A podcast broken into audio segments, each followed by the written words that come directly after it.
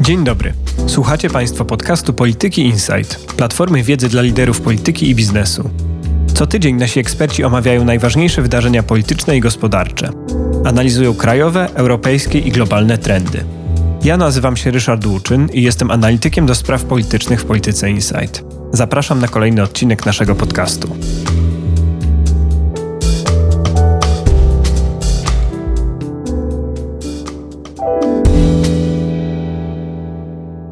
Jest piątek, 25 lutego. W drugim dniu inwazji na Ukrainę rosyjskie wojska kontynuują wdzieranie się w głąb kraju, za główny cel obrawszy Kijów. Ukraińcy stawiają silny opór, ale walki trwają również w stolicy. Rosyjskie władze twierdzą, że inwazja, którą nazywają specjalną operacją wojskową, ma na celu ochronę rosyjskojęzycznych mieszkańców Ukrainy przed ludobójstwem, którego dopuszczać się miał neonazistowski reżim w Kijowie. Minister spraw zagranicznych Rosji, Siergiej Ławrow, stwierdził nawet, że ma ona wyzwolić Ukraińców spod ucisku i pozwolić im zdecydować o własnej przyszłości. O rosyjskiej propagandzie, jej celach i sposobach dystrybucji rozmawiałem z Agnieszką Legucką z Polskiego Instytutu Spraw Międzynarodowych. O tym, kto, w jaki sposób i jak skutecznie roznosi ją dziś w polskim internecie, opowiedział mi Michał Fedorowicz, prezes Instytutu Badań Internetu i Mediów Społecznościowych. Obie rozmowy zostały nagrane wczoraj. Zapraszam do słuchania. Cały świat śledzi rozwój sytuacji militarnej w Ukrainie. Ruchy wojsk, starcia, ataki na ukraińskie miasta i infrastrukturę. Ale ta wojna ma też inny, informacyjny aspekt.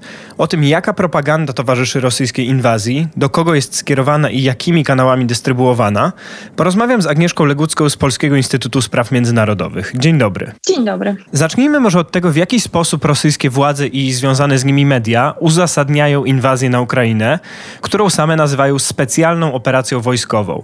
My wiemy, że to jest niczym niesprowokowany atak, ale co na ten temat słyszą Rosjanie? Dla nas może być to dużym zaskoczeniem, że w dotychczasowych badaniach opinii publicznej Rosjanie zwykle byli podzieleni między grupą osób starszych i młodszych na różne tematy, chociażby, nie wiem, Nawalnego, samego Putina i zwykle się mijali w tych badaniach. Natomiast mamy badania na przykład z grudnia zeszłego roku i tutaj, że tak powiem, największa kwestia dyskusyjna to była, kto jest odpowiedzialny za napięcia wokół wojny w Donbasie. I tutaj Rosjanie, jak jeden, nieważne czy młodszy, czy starszy, mówili w większości, że odpowiedzialny jest przede wszystkim NATO, w drugiej kolejności, i tutaj bardzo ważne, bo rosyjskie media, politycy używają cały czas tego samego pojęcia reżim w Kijowie. Nie władze ukraińskie, nie Ukraina, nie Ukraińcy, tylko właśnie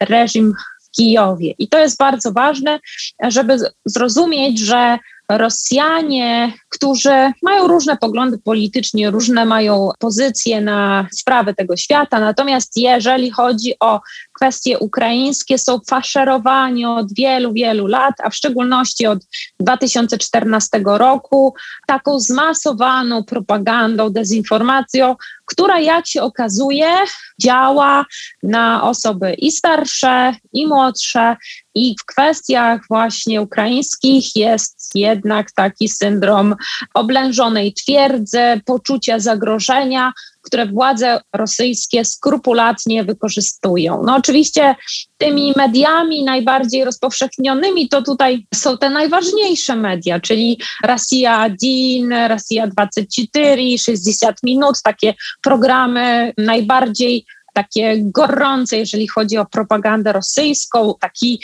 najbardziej znany propagandista Saławiow czy Kisyliow to są tacy top znani propagandziści, którzy po prostu z pianą na ustach potrafią opowiadać o tym, co dzieje się na tych terytoriach okupowanych dotychczas przez Rosję, kilka dni temu uznanych za niepodległe państwa DNR i LNR, czyli te części właśnie wschodniej Ukrainy. No właśnie, czyli rozumiem, że to, co miałby robić, jak to mówią rosyjskie władze i związane z nimi media, reżim w Kijowie, to są ataki na rosyjskojęzyczną ludność tych tak zwanych republik donieckiej i ługańskiej, a w jaki sposób dokładnie, jakie działania NATO miałyby odpowiadać za zaognianie sytuacji we wschodniej Ukrainie? No właśnie, od dłuższego czasu w rosyjskich mediach są pokazywane sceny bardzo emocjonalne dotyczące tego, co dzieje się właśnie w tych republikach,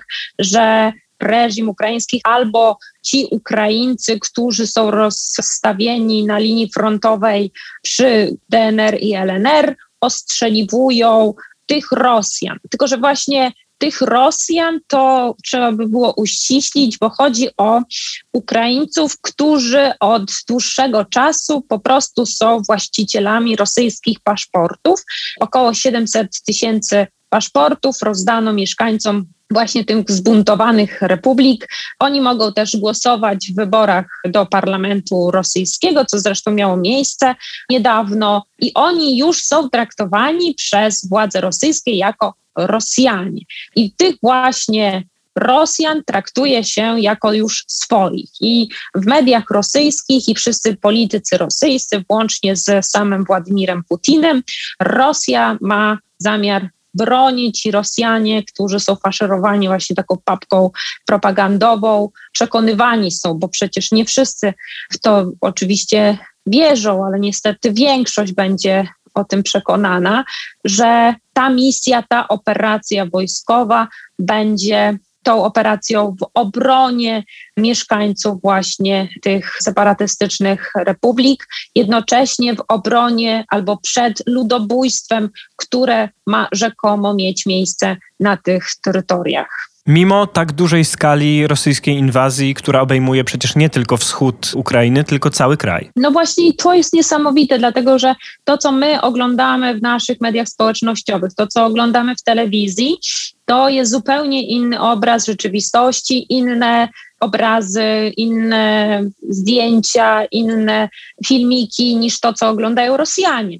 Zresztą taki bardzo znany organ, który zajmuje się jakby to powiedzieć, kontrolą nad przestrzenią medialną, informacyjną w Rosji, nazywa się Roskomnadzor, zakazał mediom w Rosji publikowania wszystkiego, co nie jest oficjalnymi danymi z instytucji państwowych. Czyli Rosjanie de facto nie będą mieli dostępu do materiałów, które pochodzą z niezależnych źródeł.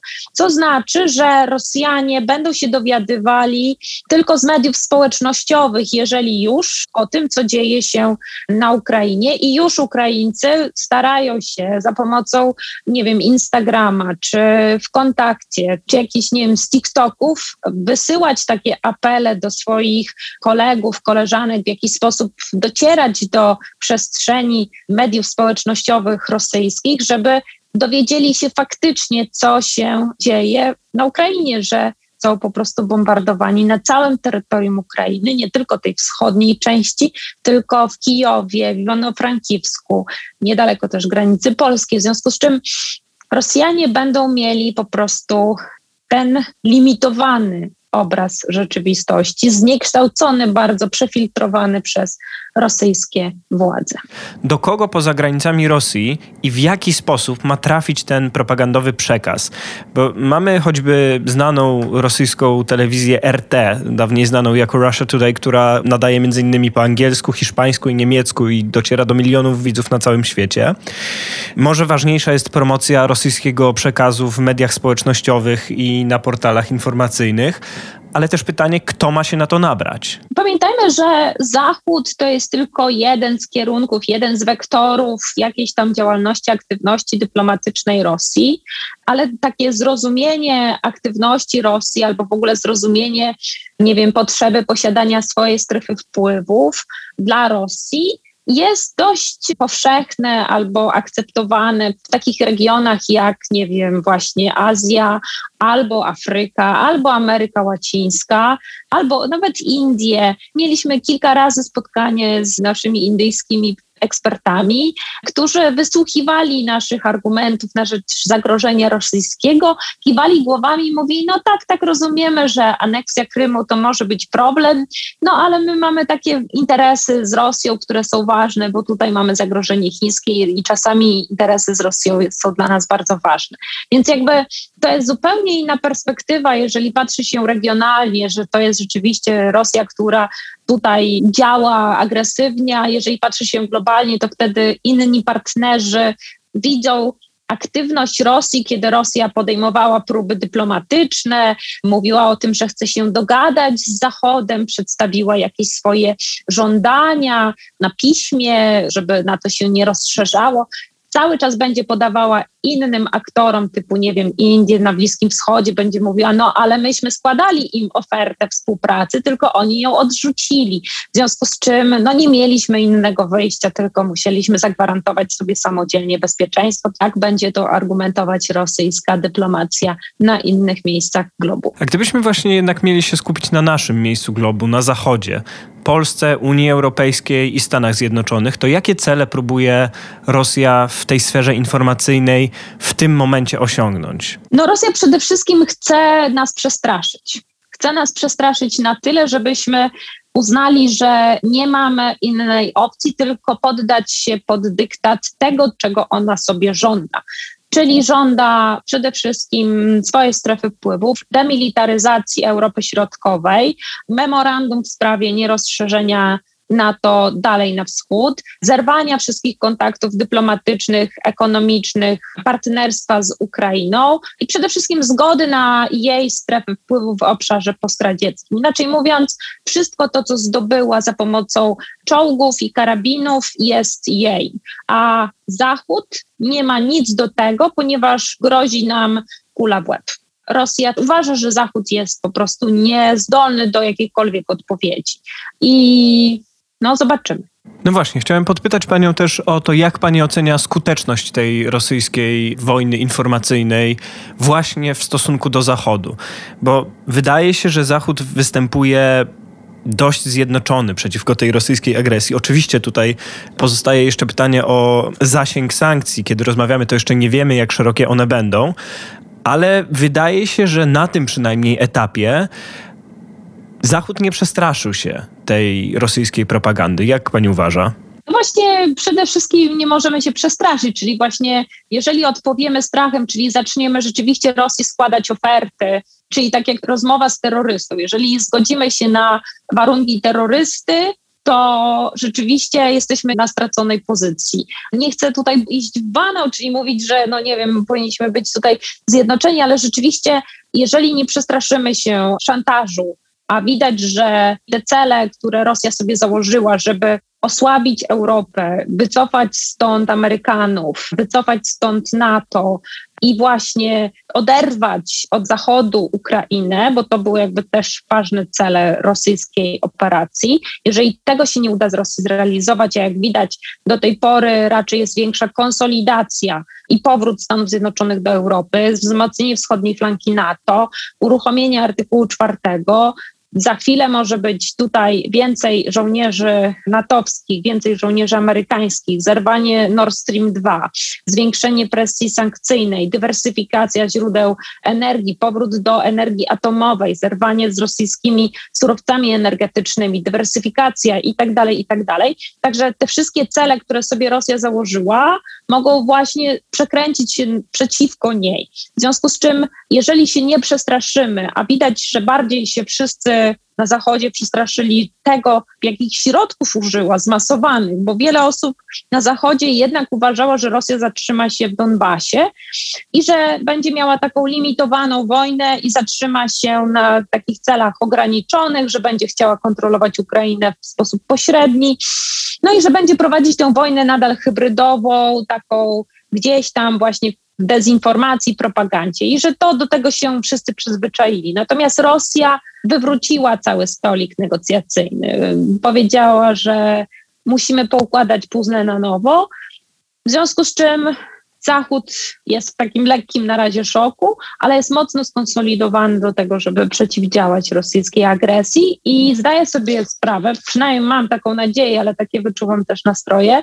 że jeżeli teraz nie zrobimy czegoś w sprawie Ukrainy, to następnym krokiem możemy być my w sensie Zachodu, bo Rosja tak działa, że jeżeli wyczuwa słabość, to idzie dalej. W jaki sposób ta konsolidacja Zachodu, o której pani wspomniała, objawia się w sferze walki z dezinformacją? Co robi Unia, co robią Stany Zjednoczone, a jakich kroków jeszcze moglibyśmy się spodziewać, a jakich oczekiwać, na jakie mieć nadzieję? Czy możemy spodziewać się na przykład odebrania telewizji RT koncesji na nadawanie w krajach Zachodu, może stworzenia jakiegoś silnego odpowiednika Radia Wolna Europa na Rosję? Mogę powiedzieć tak, Unia Europejska już dość dużo robi, jeżeli chodzi o zwalczanie rosyjskiej dezinformacji.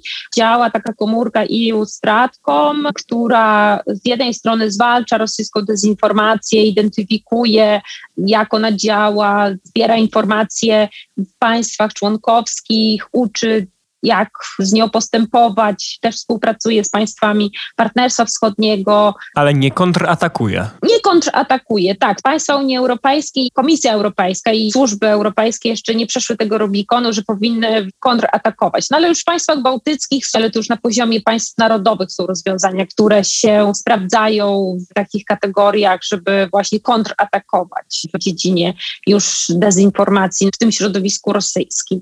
Wzajemnie się informują, wzajemnie wzajemnie pokazują, co jest rosyjską dezinformacją. A to już jest dużo. Uczenie też społeczeństw, w jaki sposób być odpornym na rosyjską dezinformację, to też już jest dużo. Jakby jeżeli nauczy się ludzi, w jaki sposób rozpoznawać, co jest dezinformacją, na co się, że tak powiem, przygotować, to wydaje się, że już jest to duży krok, a nie trzeba tylko walczyć na polu bitwy przeciwnika. Ważne, żeby też mieć tę tarczę i być odpornym samemu. Więc tutaj myślę, że już jest dużo rzeczy zrobionych i współpraca też Unii Europejskiej z NATO w tym zakresie, więc tutaj naprawdę dużo rzeczy się dzieje. A to, że RT działa nadal jeszcze w wielu obszarach. No w Niemczech na przykład została ograniczona działalność głównie ze względu na to, w jaki sposób rozpowszechniała RT fake newsy na temat szczepionek i za te rzeczy została jej działalność wstrzymana. A w Stanach Zjednoczonych no mamy z tym problem. Rosjanie wykorzystują nasze zasady, którymi się kierujemy, jak wolność słowa, też wolność działalności, rządy prawa. Nie wiem, czy chcemy to ograniczyć. Dziękuję uprzejmie. Dziękuję uprzejmie. W pierwszej części podcastu rozmawialiśmy o propagandzie Rosji, mającej uzasadnić atak jej wojsk na Ukrainę. Zgodnie z jej głównymi wątkami, Ukraińcy dokonywali ludobójstwa rosyjskojęzycznych obywateli na wschodzie kraju i w tzw. Tak Donieckiej i Ługańskiej Republice Ludowej. Rosja zaś na prośbę liderów obu parapaństw zareagowała, by zapewnić ochronę zagrożonej ludności i ukarać kijowskie władze, które miały o tym zagrożeniu stanowić.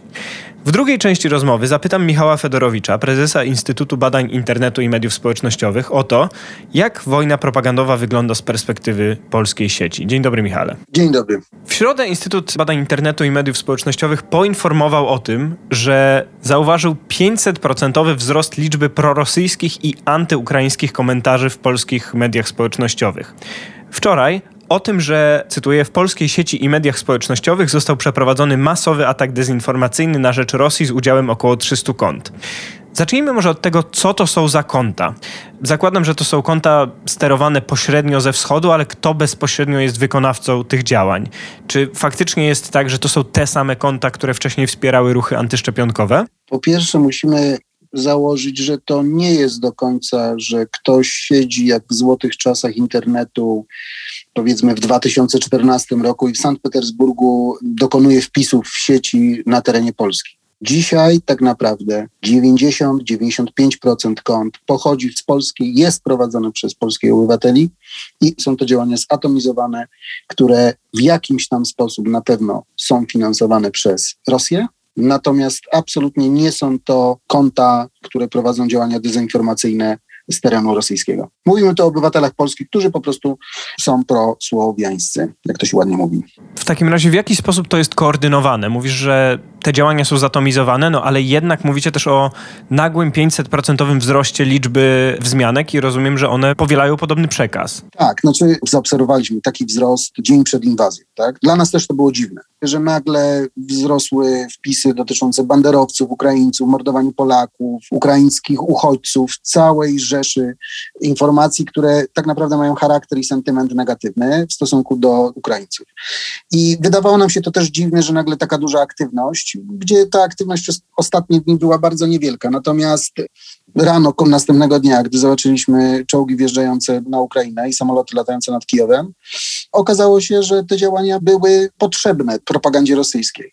W ciągu pierwszych godzin inwazji, kiedy pojawiły się w internecie, szczególnie na portalach, informacje o stratach wśród rosyjskiej armii, czyli tam zestrzeleniu kilku śmigłowców, czołgów, nagle o godzinie 10 strasznie wzrosła ilość wzmianek krytykujących Ukraińców i w ogóle deprecjonujących polskie media i mówiących, że armia rosyjska tak naprawdę już jest w Kijowie i to jest kwestia kilku godzin. Później, w przeciągu godziny, ta dynamika też znowu drastycznie spadła. Wczoraj zaobserwowaliśmy w późnych godzinach popołudniowych wzrost wpisów dotyczących możliwego braku paliwa na Podkarpaciu, co powoduje kolejki i wzrosty cen paliw na stacjach. Dopowiedzmy sobie, że wczoraj znaczy 23 lutego, bo rozmawiamy 24 lutego. Czy ktoś tym koordynuje? Naszym zdaniem tak, są pewne uderzenia punktowe, natomiast ponieważ większość tych kont jest związana z grupami, nie chcę powiedzieć antyszczepionkowców, bo oczywiście to jest łatka, tak? natomiast nazwijmy to ludzi, którzy bardzo chcieli pogłębić swoją wiedzę na temat szczepień, tak, i tych grup jest bardzo dużo, to dzisiaj bardzo łatwo jest penetrować te grupy i bombardować je informacjami właśnie tego typu, że zaraz nie będzie benzyny, że zaraz zabraknie paliwa, że Ukraińcy zaraz, że tak powiem, wtargną do waszych mieszkań i będą wam zajmować mieszkania, choć hitem, który za chwileczkę nas czeka, będzie 500 plus dla każdego Ukraińca. No takie rzeczy będą po prostu cały czas rezonować. Czyli spodziewasz się, że będzie dużo więcej tej takiej przede wszystkim antyukraińskiej narracji na tych kontach próby siania paniki, jak rozumiem, z jednej strony, z drugiej próby zwiększenia nastrojów antyukraińskich przeciw uchodźcom. Wiesz co, media społecznościowe mają jedną zaletę. Tłumaczą wszystkie trudne rzeczy w bardzo łatwy sposób. Tak naprawdę możemy się szybko zdiagnozować w Google, możemy wszystko sprawdzić, wszystko wiemy, mamy Wikipedię, wszystko jesteśmy w stanie sprawdzić dokładnie w 15 sekund. Dzisiaj użytkownicy sieci będą szukać odpowiedzi, dlaczego wzrosła cena energii, dlaczego rośnie euro, dlaczego jest wojna. I wygra ten, który da prostą odpowiedź.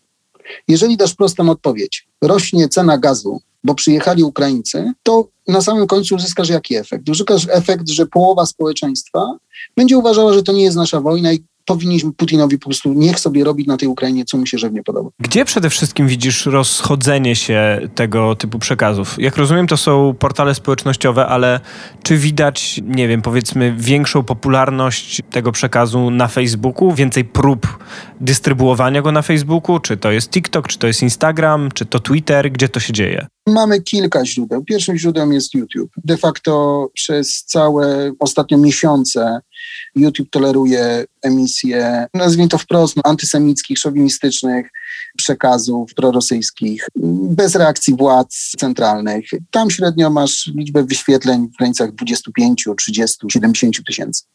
Ci ludzie epatują swoimi jakby hasłami i swoimi teoriami na temat polityki i ideami politycznymi. Sposób finansowania tego typu działalności jest bardzo prosty przez system PayPal i dzisiaj tam są najmocniejsi. Tak? Jeżeli w trakcie emisji udostępniane są w komentarzach różnego rodzaju linki i te linki później są dystrybuowane już w innych kanałach, są jakby przekazywane na grupy tak, trzeba to powiedzieć, na grupy sceptycznie patrzące na pandemię, a na samym końcu znajdują się na Twitterze, żeby robić z nich newsy. Taka jest kolej rzeczy. Jak byś ocenił skuteczność dystrybucji tego przekazu? Jak zasięgi tego typu komentarzy, wiadomości mają się do zasięgów wiadomości ze sprawdzonych źródeł i niedystrybuowanych w celu siania paniki czy nastrojów antyukraińskich? Bardzo łatwo jest to wyliczyć. Jeżeli masz 300 milionów zasięgu 12 godzin po inwazji, to zasięg tego typu informacji nie przekracza 2-2,5 miliona, może 3, tak? Więc jest to jakiś tam procent, tak? Może 1,5%, bo też jakby zapominamy, trudno się mierzy grafiki, w sensie one są trudne od namierzenia, je trzeba ręcznie, nie jest to takie oczywiste. Więc dzisiaj z perspektywy całej dyskusji nie jest to duży odsetek. Tylko, że rok temu to też nie był duży odsetek jak rozwijały się ruchy sceptyczne wobec szczepień. Na samym końcu predykcja jest taka, to co my wiemy jakby na narzędziach i możliwości tych grup, bo to one grupy były zbudowane przez ostatnie 12 miesięcy. I należy jednej rzeczy, o czym wszyscy zapominają. To są grupy, które nie uczestniczyły w bieżącym życiu społeczno-politycznym. To są ludzie w większości, którzy nawet nie wiedzą, kto jest premierem, prezydentem tego kraju. To tak, faktycznie tak jest. Musimy pamiętać o tym, że większość ludzi się nie interesuje polityką. Szukają prostych odpowiedzi na trudne pytania. I dzisiaj na pewno patrzą sceptycznie, ale za tydzień, kiedy nie daj Boże wzrosną ceny energii, wzrośnie fala uchodźców z Ukrainy, będą rozrastać się i będą mówić, tak, macie rację, absolutnie macie rację. Tak to dzisiaj wygląda. Więc ja oceniam mechanikę działania bardzo wysoko. To znaczy, osoba, która, nazwijmy to, zarządza tym interesem, ma wszystkie dostępne środki, narzędzia i kanały dystrybucji do walenia ile wlezie. W tych pierwszych godzinach od inwazji tak naprawdę kalibruje i szuka, co będzie, co nie będzie żarło.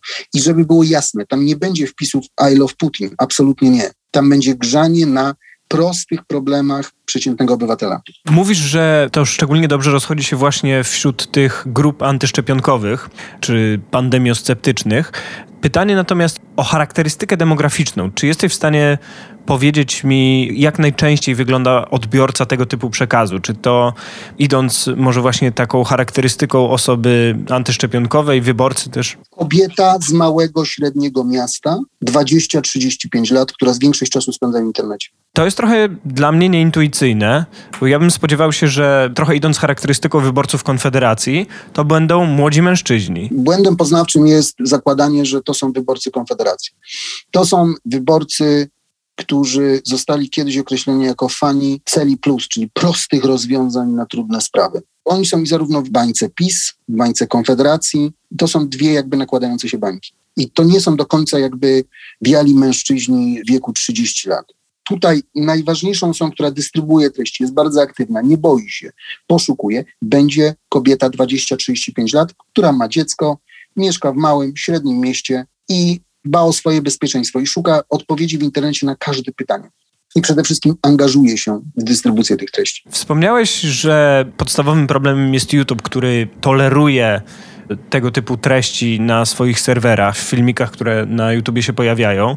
Czy uważasz, że to big techy właśnie powinny być pociągnięte, czy na nich powinniśmy wymusić działania w tym kontekście, czy to powinny zrobić państwa, czy to powinna zrobić Unia, Stany? Jak z tym walczyć i kto to powinien robić?